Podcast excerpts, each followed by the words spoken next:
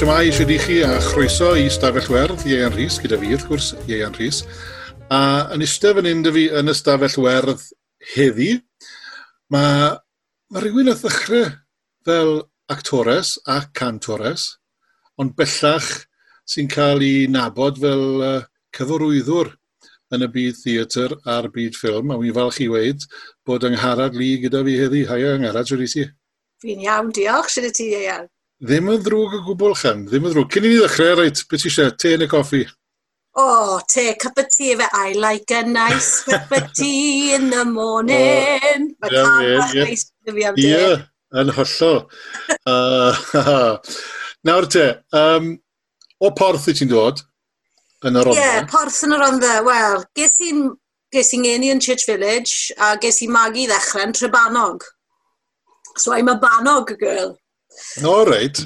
Ie, yeah, a wedyn nath mam a dad symud i'r porth, llwy'n celyn yn y porth, so yn y porth ges i'n un magu, ie. Yeah. A wedi mynd i'r ysgol uwchradd yn, yn y rhondda, ie? Ie, yeah, so i ysgol gynradd llwy'n celyn o'n i, a wedyn um, oedd ysgol gyfyn yn y cymer, so cymer comp, ysgol Saesneg oedd i, ti'n bod a fi'n cofio mam a dad a, a lot o bobl eraill ar campaigns un, ti'n gwybod, er mwyn troi'r ysgol yn, um, yn ysgol Gymraeg. A ni oedd yr unig cynta Cymraeg mewn, i, mewn i'r ysgol, ysgol uh, gyfun Gymraeg y Cymer. Ie, yeah, 1988, o, oh, sa'n cofio, 87, 88, rhywbeth fel la. So ni oedd yr unig cynta, ie. Yeah. A, a fyna wedyn ni allu di weid yn yr ysgol, dechreuodd dy ddiddordeb ni neu, neu oedd wedi dechrau tu fas yr ysgol? Um, ie, yeah, ti'n bod beth, chwaraeon oedd yn beth i. O'n i mor sporty, amser o'n i fach. A wedyn fi'n cofio um, yn yr ysgol gynradd, blwyddyn, wel, blwyddyn pimp bydde fe nawr, neu blwyddyn chwech, a oedd Hefyn Griffiths yn dysgu ni, ti'n nabod Hefyn, mi'n credu. Odw, na bryd yna. Hefyn. So, oedd e'n uh, oedd e'n weddol ifanc ar y pryd, fi'n credu oedd e newydd dechrau dysgu, a nath e ropo fi mewn i wneud can actol. Um, A o fyna wedyn, mi'n credu nath popeth just dechrau rowlo mlaen. Ti'n bod, achos ges i solo bach a mam a dad yn meddwl, oh my god, mae mon yn gallu canu. Um, yn amlwg o dad, o dad yn wario piano, ti'n bod, so ni wastad yn canu a pethau yn y tŷ. Fel fi'n credu mae, mae lot o deuluoedd Cymraeg. Ond fi'n credu ta'r gan actol na oedd y tro bwynt. Felly, diolch i hefyd fi'n credu, rili, really, am sut ti'n edrych arno fe. Briliant. Ydy e'n gwybod na? mae e nawr na, sa'n credu bod e. Fi'n cael llunio uh, wrtho fe weithiau, mae fi'n credu bod wedi bod yn, um, yn y lockdown, mae wedi mynd, bod yn mynd trwy hen luniau fi'n credu, so fi'n cael pethau o amsynnu am Ffranc amser ni'n yr ysgol, so mae hwnna wedi bod yn eitha neis. Achos uh, mae Sara'n ferchu, ti'n bod oedd e'n brif athro ar yn ferchu am flynyddoedd. So, um, yes, come full, full circle. A mae hefdi yn ddiol nawr i hefyd, wrth gwrs. Wedi, am rhyw blwyddyn y fe? Ie, ie. Yeah. Anodd i gredu. So ie, yeah, yn yr ysgol, really, ti'n bod? Um, a wedyn eisteddfodau. Um, so o'n i'n canu alawerin oedd yn beth i. Um, a o'n i'n cael, um, cael gwersi gyda Andrew O'Neill a Patricia O'Neill. Um, ges i cwpl o lessons rwy'n credu gyda Dennis O'Neill blynydden ôl. Um, so gyda'r O'Neills nes i, nes i treino o ran y llais. Y gore? y gore, ie. Yeah. A wedi, yeah, gyda Pat o'n i am, am spel, ti'n bod, a oedd hi'n gret. A mae hi dal yn dysgu fi'n credu, mae dal yn dysgu canu. Fyw lawr yn porth cawl rhywle. Um, ie, yeah, a just mynd trwy'r system eisteddfodol. A wedyn o'n i'n ennill popeth, ti'n bod. Um, o'n i'n ennill yr alawerin trwy'r amser, achos o'n i'n gallu gwneud siapau gyda'n wyneb i fi'n credu. O, ie, ie. Ie. Yeah.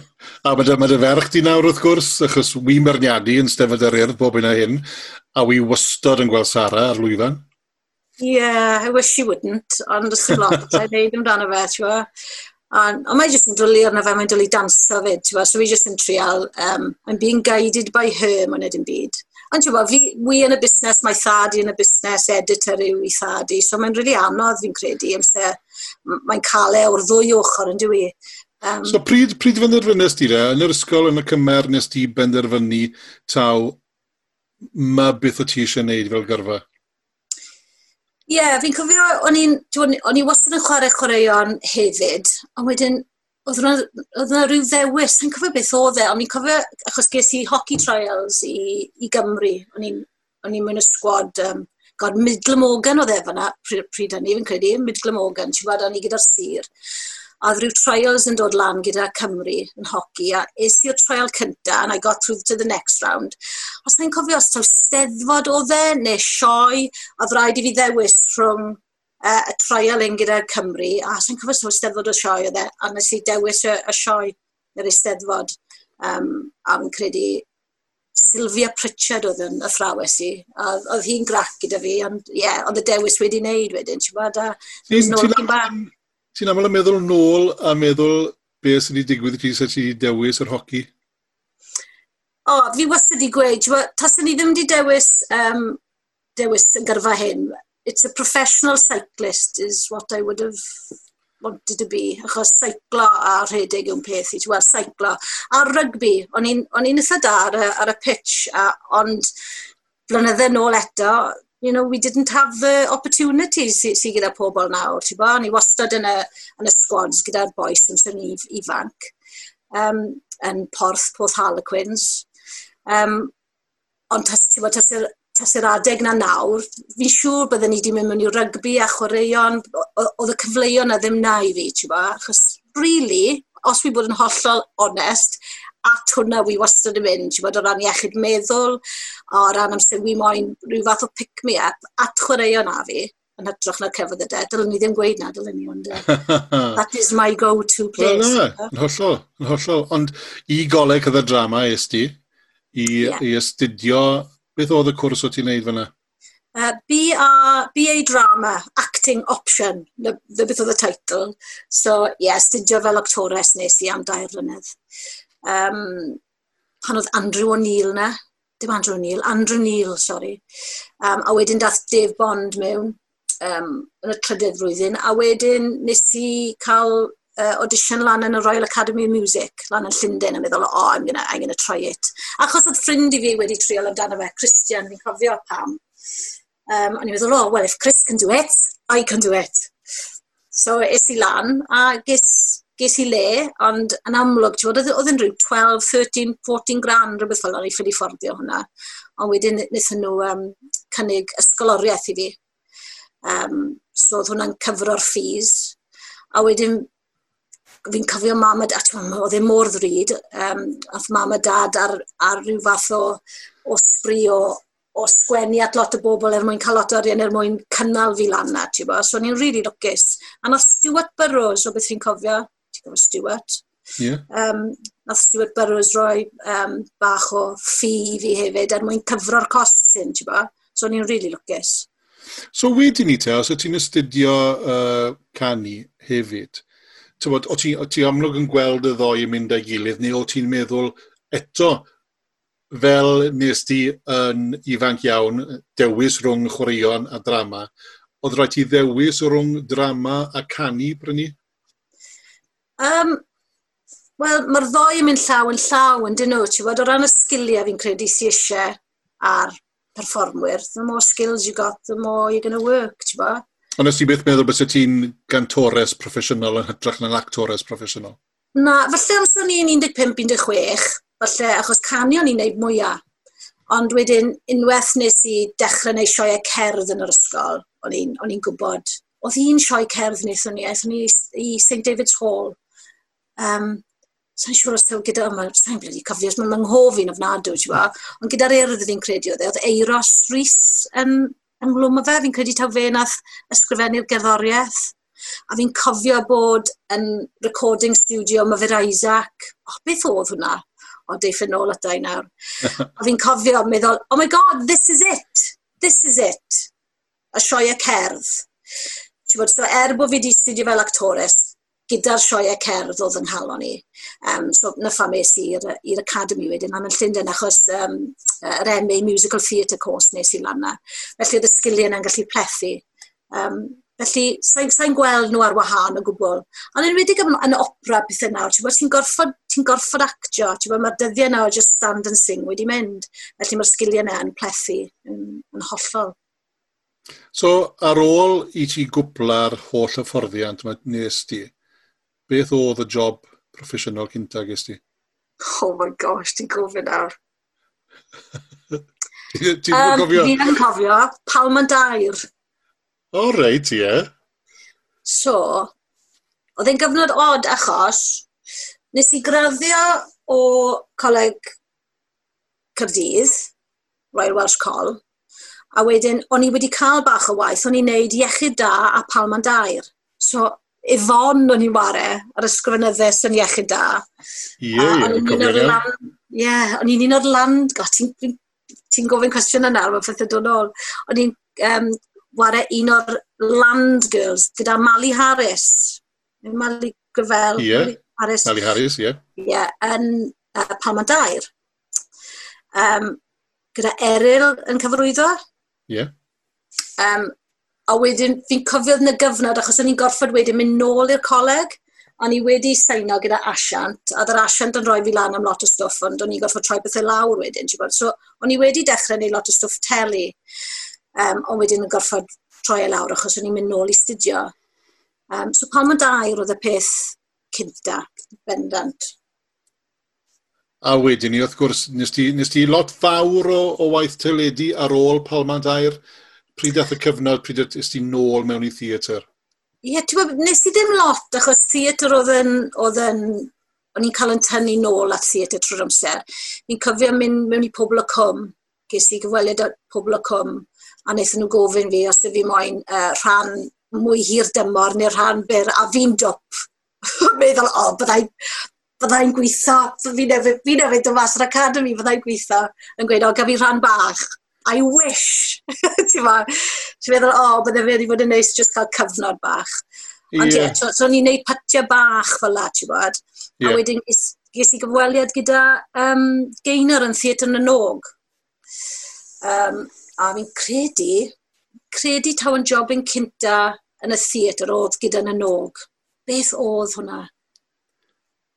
Um, sa'n cofio beth oedd e, yn bendant, dim yn rôl yr ysgolion, so TAE oedd e prynu, ynddo fe. Ie, ie. A hwnna i un o'r jobs anodda. Oh. So, wi, wedi wneud TAE a, tybod, sawl, sawl cynnyrchiad TAE a o bopeth wedi wneud yn yngyrfa, hwnna oedd y job yn anodda. Yn bendant ond y mwy o pleserus hefyd. A'r plant bach oedd e, ti'n bo, so if they didn't like you, you knew. oedd y performa, oedd y performo'n iawn. Beth o'n i ddim yn licio, oedd cario'r set mewn, oedd wneud y sioe yn gret O wedyn ni oedd rhaid ni dynnu'r set lawr, roi e yn y fan, a mynd i'r ysgol, ysgol arall yn y Brynawn. Ie, yeah, ie. Yeah, so hwnna oedd y gwaith caled, oedd yeah. roi'r set lan a lawr. Ie, yeah, ond hefyd, ti'n o o ran cael bach o, o barch ti ag at y pobl sy'n gorfod wneud hwn, na pwy mm. oedd yn um, stage manager ni, oedd Caris sy'n nawr yn rhedeg, yr egin yn gyrfyrddau. O, ie, ie, ie, ie. So fi wedi dechrau gweithio gyda Caris tyma bach yn ddiweddar. So eto, things come around. So oedd yna rhyw, beth fi nawr, 43 fi nawr. So, the, you know, it was 20 years ago. Ie, Yeah, so yeah. ni dechrau gweithio gyda'n gilydd eto, ti'n bo? Ond ar, a, ti'n bo, wy'n gyfod cyfarwyddo, mae hi'n rhedeg yr egin. So, yeah, full circle again. Ond y tro cynta ni weithio ar ein gilydd, oedd um, gyda'r Wales Theatre Company. Ie, yeah, efe Amazing Grace o e, yr un cynta wnaethon ni. Nes i, o ti yn, o ti yn yr un gwreiddiol? Na, Beth, Beth ja, oedd yn yr un gwreiddiol. Na fe, na. Nes i'r un gwreiddiol, nes i ddim yr, uh, yr ail oh, fersiwn fel bethau. Ond y weles i'r e. sioe, na ddo. Na. So ni'n neud, os ti'n cofio'n iawn, oedd e mlaen gwmwys rhywun pryd a The Wales Theatre Company yn neud uh, Christmas Carol a Child's Christmas in Wales. O, oh, oce, okay, ie, yeah, ie, yeah, ie. Yeah. So, o'n i, o'n i'n neud y ddoi na, a wedyn oedd gang arall yn neud Amazing Grace 2 fel bydau. O, oh, right yeah, the better version, Amazing Grace 2. Oh, ie, yeah, gwedi. Gwedi, ie. Ond, uh, na, beth oedd y cynnyrchiad wnaethon ni i ddechrau re? Dim, thorn, dim Thornbirds oedd e, fe? Thornbirds, the musical oedd e. Neu Contender. Achos o'n i'n feichiog am sy'n wnaethon ni Contender, a o'n i ffili wneud y sioe, oedd rhaid i fi um, Wy'n cofio'n iawn. Ie, yeah, dynas di mas, do, achos bod ti'n disgwyl. Ie, yeah, so nes i ti'n mas. Nath Laura nes, Clements. Nes i gweud celwydd wrth, wrth bodja. Achos gwedys i, o, co, gret, chi wedi cynnig hwn i fi, ond fi feichiog. A gwneud ddim, well, how far gone are you?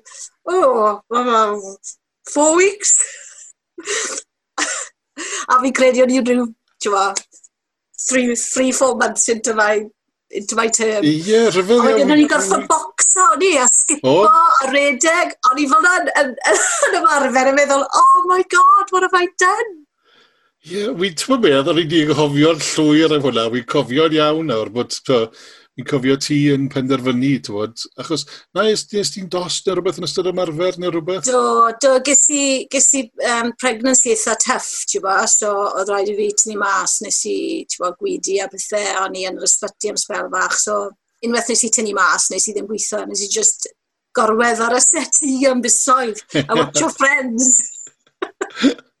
so felly, Thornbirds the Musical, oedd, oedd y cynnyrchiad cynta ni'n neud gyda'n wow. gilydd? Oh, well, there's some stories. A mae hwnna mynd ôl cwpl o flynydde?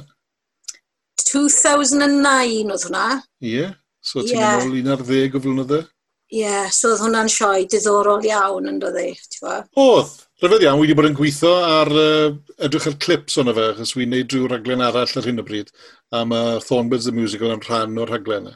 A mae oh, wow. nôl dros um, y clips yn o ymarferion a pethau fel yna, a mae fe wir yn ddiddorol. Tywod, yna pam nes i hel yna pam o ti'n canu I like a nice cup of tea. Achos mae clip o'n y ti yn canu hwnna yn ystod ymarfer. Dylen ni di roi hwnna yn y sioe. Ie, yeah, dyle. Wel, un o'r cynnig gorau wedyn, bys? E? Ond oedd e'n sioi a hanner, achos beth oedd yn od am y sioi na, oedd, oedd y critics yn cysau y sioi, ond oedd y gynulleidfaoedd, o'n i'n cael standing ovations bob nos. Ie, yeah, yn dwl fi cofio, o'n i gyd ar y llwyfan yn meddwl, what is going on? Achos o'n i'n cael real laugh yn hynny yn y sioe na. Wel, o ti yn. Oedd i'n golygfa. O'n i yn y show report bob nos yn credu. Achos bod ti'n copso o'r lwyfan bob nos. Ie, yeah, ti'n bod bai pwy oedd hwnna? Rhys Taylor. O, oh, ie, yeah, yr MD. Ie, yeah, achos oedd e wastad, oedd rhyw linell gyda fi yn gweud bod, beth oedd enw'r cweriad, bod i wedi marw yn rhywbeth. O, oh, ie. Yeah.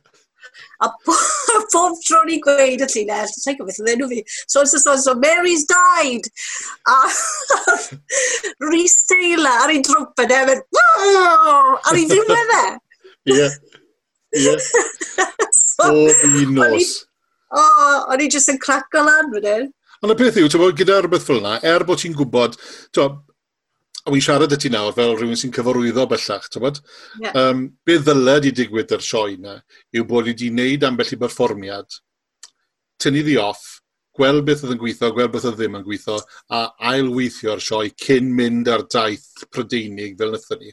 Ond achos yeah. bod yr arian ddim ar gael, ar amser, oedd rhaid i ni just roi'r sioe mlaen o fewn mis, a mynd yeah. addi mas rhwng Prydain i gyd. Yn union, ond hefyd, ti'n wedi o ran, sa'n credu bod pobl dal yn deall faint o waith sydd yn mynd mewn i, i greu musicals, ti'n? Maen ma nhw'n cymryd blynyddoedd a fi'n gwybod oedd, oedd, oedd y um, trefniadau pethau wedi bod ymlaen, ymlaen am blynyddoedd o ran development process, Sa'n so credu oedd lot wedi digwydd, ti'n bod? Oedd e dal yn cael ei datblygu, oedd e yn yr ystafell ymarfer sy'n well, ffain. Wy'n cofio Colleen McCulloch, yr awdures, sy'n athsgwennu nofel The Thornbirds, wedodd hi bod wedi cymryd 15 mlynedd nath uh, uh, Gloria Bruni, y gyfansoddwraig, yeah. gysylltu â hi, a nath nhw benderfynu bod nhw'n mynd i mynd i'n musical, a gymrodd e 15 mlynedd nes bod wow. y Wales Theatre Company yn rhoi ymlaen.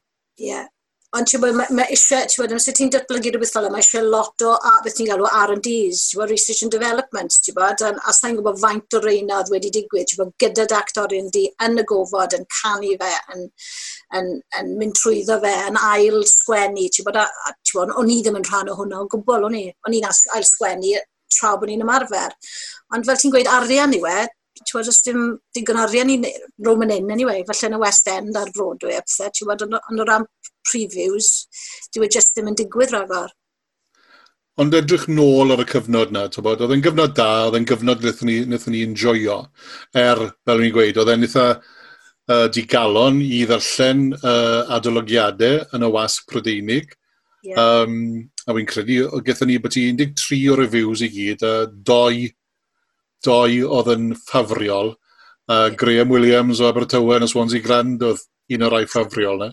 O, mae cwfna gyda ti, da. Ie, yeah, ond, um, ti'n bod, wrth edrych nôl, oedd yn gyfnod llawn sport. So, ti'n bod, a gethon ni, gethon ni amser da fel, fel criw, a gan bod y gynulleidfa yn corio'r i trad bob nos, ti'n bod, i fi, na beth oedd yn bwysig, ti'n Bendant, fi'n credu, hwnna sy'n bwysig, ti'n bod, gan y lleidfaoedd di, ti'n bod. Um, a hefyd, ti'n bod, o'r bodja, na beth e, oedd e'n dda iawn yn dod â tîm at ei gilydd yn o dde.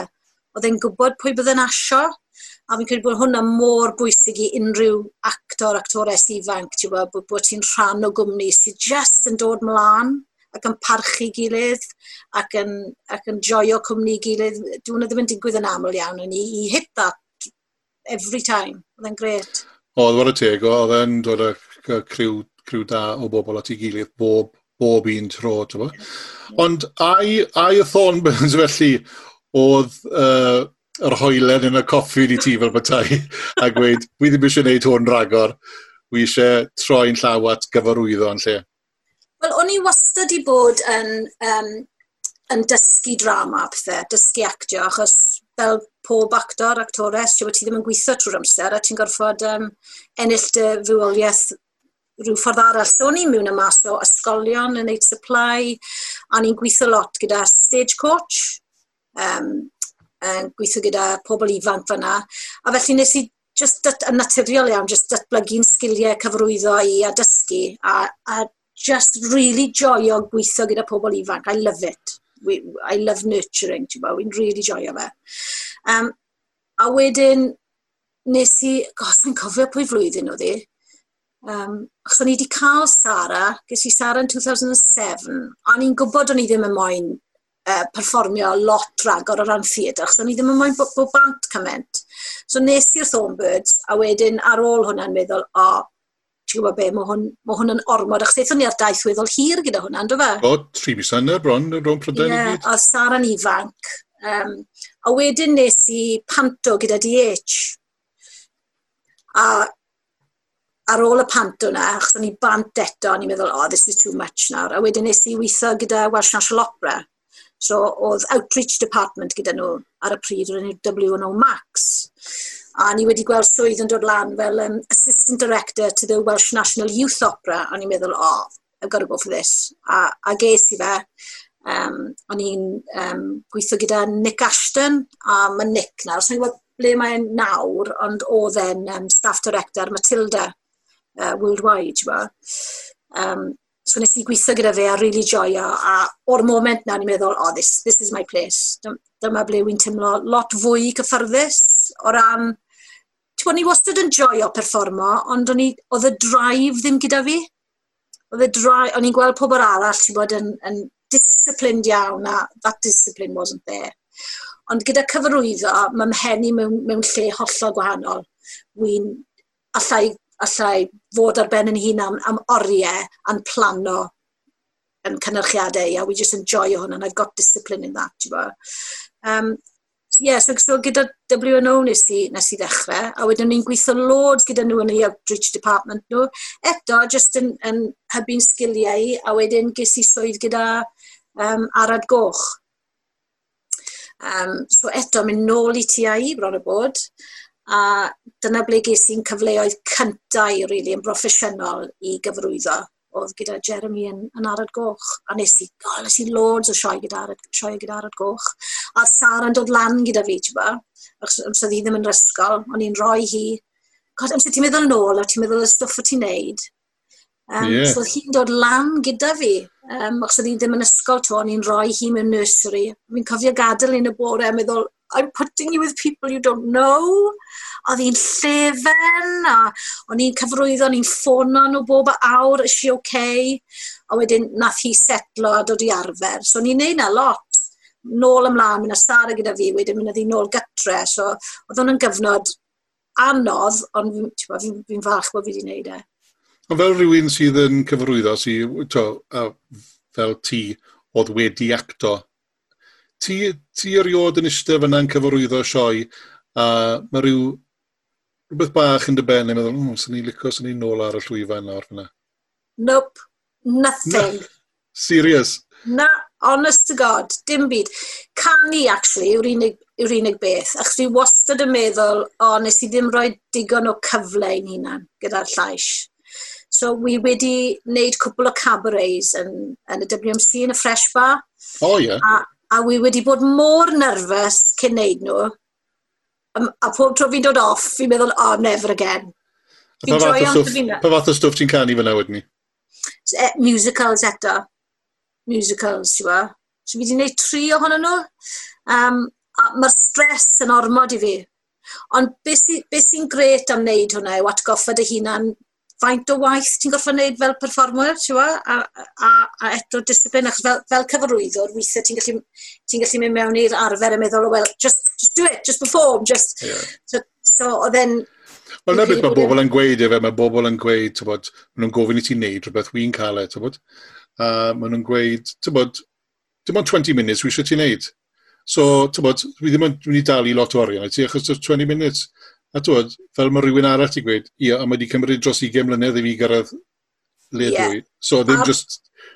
Yn bendant, a'r prep na i gyd ti'n gorffo'n wneud, ti'n bod, yn feddyliol hefyd, yn gorfforon, yn feddyliol, yr holl prep na, mae'n mae huge o beth. O, so mae bobl, mae rai bobl tel yn meddwl bod ti, wy'n cofio pan o'n i yn pobl y cwm. Wi'n cofio rhywun yn dod lan at y fi a gweud, um, ew, jobyn rwydd ydych chi yn oes e? Chi, chi mi mewn i'r BBC na, a pryniodd pobl o cwmpa mewn mas yn 20 to 7. A chi mi mewn i'r BBC na, 20 to 7 bob nos, chi'n cwpla am saith. Seriously, ar o ddifri. A nhw ddim yn sylweddoli bod ni wedi bod yn marfer trwy'r wythnos, a wedyn bod ni wedi bod yn recordo'r benod trwy'r dydd yn y studio. Yeah, yeah. Ond nhw wir yn meddwl bod ni'n mynd mewn am 20 to 7 ac yn cwpla am saith. I love it. I love it. Yeah. Ond uh, na, ti'n iawn, mae'r paratoi sy'n mynd mewn i rhywbeth fel yna. Ie, yeah. a jyst atgoffa dy hunan a, a jyst parchu'r actorion. Fi'n gweithio lot gyda actorion ifanc nawr, fi'n treino nhw, yn gweithio gyda... Wel, wrth gwrs, ti, mae cwmni dy hunan dy ti nawr, yn dyswe? Leeway yeah, Productions. Ie, so, yeah, cynnyrchiad y Leeway, so hwnna'n, fi'n dwlu ar hwnna, achos fi'n gallu gwneud y gwaith y fi moyn wneud. pa fi'n licio fe. So beth yw e'n ffras, beth yw'r uh, musicals uh, byr yma i ti yn cynhyrchu. Yeah, so, so mae cynllun gyda ni sioe cerdd cwta yn y 10-minute musicals, um, a dath e rownd achos nes i cyfarwyddo um, R&D o musical a Athen ofnadw. Nes i, o, o ti'n rhan o'n fe, I'm not going to name it. For, yeah. O, oh, ie, yeah, fi'n gwybod. Yeah. Ond oedd e'n mor stressful a o'n i wedi cysau e, o'n i wedi cysau'r um, adeg na, ti'n bo. A des i mas yn meddwl, well, actually, beth i eisiau fan hyn yw cefnogaeth o ran, os dim lot o gefnogaeth yng Nghymru, o ran datblygu sioe cerdd. Hmm. Achos ti'n bod, o'n i mewn trafferth yna, ni ddim yn gwybod, wel, at bwy wy'n mynd. So o'n i just moyn creu rhyw fath o platform ar gyfer sgwenwyr i dod at ei gilydd a cael bach o hwyl a joio a dod i arfer a beth, what, what is it to collaborate?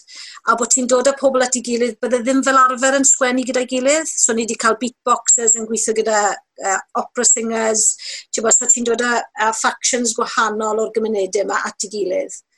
Um, a ni'n ni, ni mynd â nhw trwy series o workshops a ar ei ddiweddau mae 10 Minute Musical gyda nhw, neu sioe cerdd gwta. So ni wedi cefnogi dros cant o artistiaid yn barod a mae rhyw 25 mini musicals bach gyda ni. Os oes rhywbeth gobeith i'r mini musicals yma mynd yn musicals mwy wedyn ni, neu eto arian yw e? Uh, Wel, mae hwnna'n gwestiwn da, achos o ran package, fi moyn iddyn nhw, fi moyn iddyn nhw eistedd fel 10-minute musicals. There is validity in that, ti'n bod beth i'n meddwl? So, yeah. so maen nhw'n gyflawn fel maen nhw. Ond mae un neu ddoi yn bendant. Ni'n gweithio nhw nhw nawr, so fi'n gweithio gyda um, uh, MAMT course yn Welsh College. Um, so ni'n datblygu saith ohonyn nhw ar hyn o bryd uh, yn ystod y lockdown. So mae hwnna'n rili really ddiddorol. Um, a, a mae plans gyda fi o ran, achos ti'n bod ni'n gorfod edrych ar social distancing theatre. So wy'n edrych sut allai datblygu saith o reina er mwyn hybu um, y social distancing ma, o, o, o fewn y byd theatre, ti'n bo. Um, so, ie, yeah, maen nhw, maen nhw there is validity in their 10 minute style, ti'n bod, na, na ddys nhw'n wedi bwysig. A bydd rhain wedyn, maen nhw fel packages bach, ti'n bod bod ysgolion yn gallu mynd i, i, i canu nhw, a so, a bod nhw wedi dod o sgwenwyr Cymraeg a o Gymru. Ie, we, yeah, wy'n we, to, wy'n we, ni'n hat off i ti, ac sy'n bod yn syniad arbennig o dda, ti'n bod, more power to your elbow fel petai, ynddo fe, ti'n achos, a mae eisiau pethau fel yna. A fel ti'n gweud, ti byth yn gwybod le mae rai o'r uh, musicals bach ma, Bo nhw un diwrnod yn mynd i droi mewn i uh, sioi dwy awr yn er. Bendant. A beth sy'n bwysig yw jyst dod o'r sgwenwyr yna a'r ar, ar um, cerddorion yna at ei gilydd. Ti'n bod, achos ti'n ti creu partneriaethau newydd fyna, yn dwi ti, a mae lan iddyn nhw beth maen nhw'n neud wedyn. Yeah. Ond bod ni gallu bod yn rhyw fath o, o, o bont i dod yn ot i gilydd, mae hwnna'n gret. Um, Brilliant. Ond ni'n ni edrych lot ar um, bod, diversity a, a, a wneud yn siŵr bod pethau'n hygyrch iawn. Bod. So fi, fi wedi bod yn gweithio lot gyda um, gyda sgwenwyr byddar a pethau, achos wnaethon ni last five years yn do fe. Sa'n gwybod os nes i, sa'n gwybod os nes i weld e, wnaethon ni dod â dawnswyr byddar i mewn iddo fe, ti'n bod, a, a integreiddio BSL mewn i'r sioe a pethau. So, oedd hwnna'n eitha groundbreaking o, o ran beth ni wedi gweld yng Nghymru. A nes i dysgu lot o hwnna. Um, a dysgu hef, hefyd, ti'n bod, dyn ni ddim yn rhoi digon o, dyw'r stwff grassroots na ddim yn digwydd yng Nghymru, digon o ran cefnogi uh, artistiaid byddar. Yeah. Dyn nhw ddim yn bodoli, ti'n bod, achos, no. achos dyn ni ddim yn, dyn ni ddim yn hybu nhw o'r grassroots. Na, ti'n iawn. Nawr gyda ni'n dod at y diwedd nawr fan hyn, right? ond wy'n gofyn y pum cwestiwn yma i bob un sy'n dod mewn i'r stafell werth y fi. A so, na i ofyn y cwestiynau ti nawr, a gei di just uh, ateb nhw'n gloi, right? Y cwestiwn, cwestiwn cynta, pa ffilm neu'r raglen dyledu bys y ti di lyco bod yn rhan o'n ni?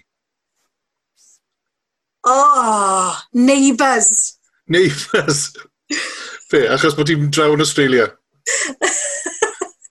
Nes i tyfu lan gyda Neighbours. Ateb da, gret.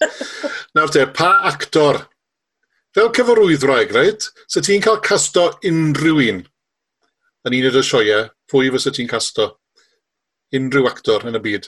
Oh, actor neu actores? Ie, yeah, ie. Yeah.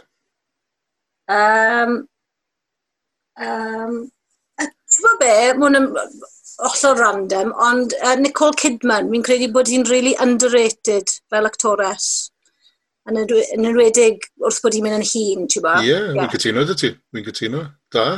Nawr, tas ti'n cael byw yn rhywle, o'n i bai am Gymru, ble fysa ti'n byw? Yn yr Eidal. Yn yr Eidal. Rhywle yn specific? Yeah. Uh, Lake Como, yn yr Eidal. Ah, ie. Yeah. Fyna yeah. ti eisiau byw? Absolutely. Dim rhaid Fes... nawr gyda'r gyda Covid un. O oh, na, ar ôl i'r Covid fe drosta, ie. Yeah. Nawr te, um, wi'n mynd at i mas yn bryd y fwyd. Right? A fi sy'n talu. So pa fwyty bys y ti'n dewis a pa fwyd bys y ti'n dewis? Ww, be, bwyty specific neu... Unrhyw un, unrhyw oh, un. Oh, God, mae'n rhaid yn rili anodd. Fi sy'n talu, a so gyd i fynd i rhywle. Ti'n ble fi erioed i bod yw Purple Poppadom. O! Oh. Gan i ddim di purple, fi dal ddim wedi bod. So i purple popadom, please. Purple popadom, bendigedig. Yeah. A'r cwestiwn ola, beth yw dy gyngor di i actor ifanc sydd ar fi'n dechrau neu sy'n newydd ddechrau yn y busnes? Um, hwn, fi'n fi gweud hwn wrth, wrth pob pawb yn gweithio gyda actorion ifanc, a dwi e ddim yn, dwi e ddim, weithiau mae'n dod ar draws yn negyddol, ond dwi e ddim i fod. Fi wastad yn gweud, os chi'n gallu neud, os chi'n meddwl bod chi'n gallu neud rhywbeth arall, newch hwnna. Os chi'n gwybod taw hwn yw'r unig beth ych chi'n gallu neud a, a you have to do it, wel ti'n gwybod bod ti yn y, yn y job yn iawn. So mae'n swno'n negyddol, ond on dyw e ddim, ti'n gwybod? Um, gallwn ni beth a byw heb fod yn greadigol yn neud beth wy'n neud, so, ie. Yeah. O, hwnna'n teimlo arbennig o dda, fi'n meddwl, hwnna'n gret. Wel, angharad, mae wedi bod yn bleser siarad y ti yn sefyll werth. Diolch yn fawr am alw mewn i weld fi. A Um, edrychau ymlaen at uh, noson mas yn y Purple Popodom. Ie! Yeah! Mae ti'n ei synio hwnna nawr, mae siŵr yn fath o... Ei, diolch yn fawr ti. Diolch yn fawr ti. Diolch. Ta-ra.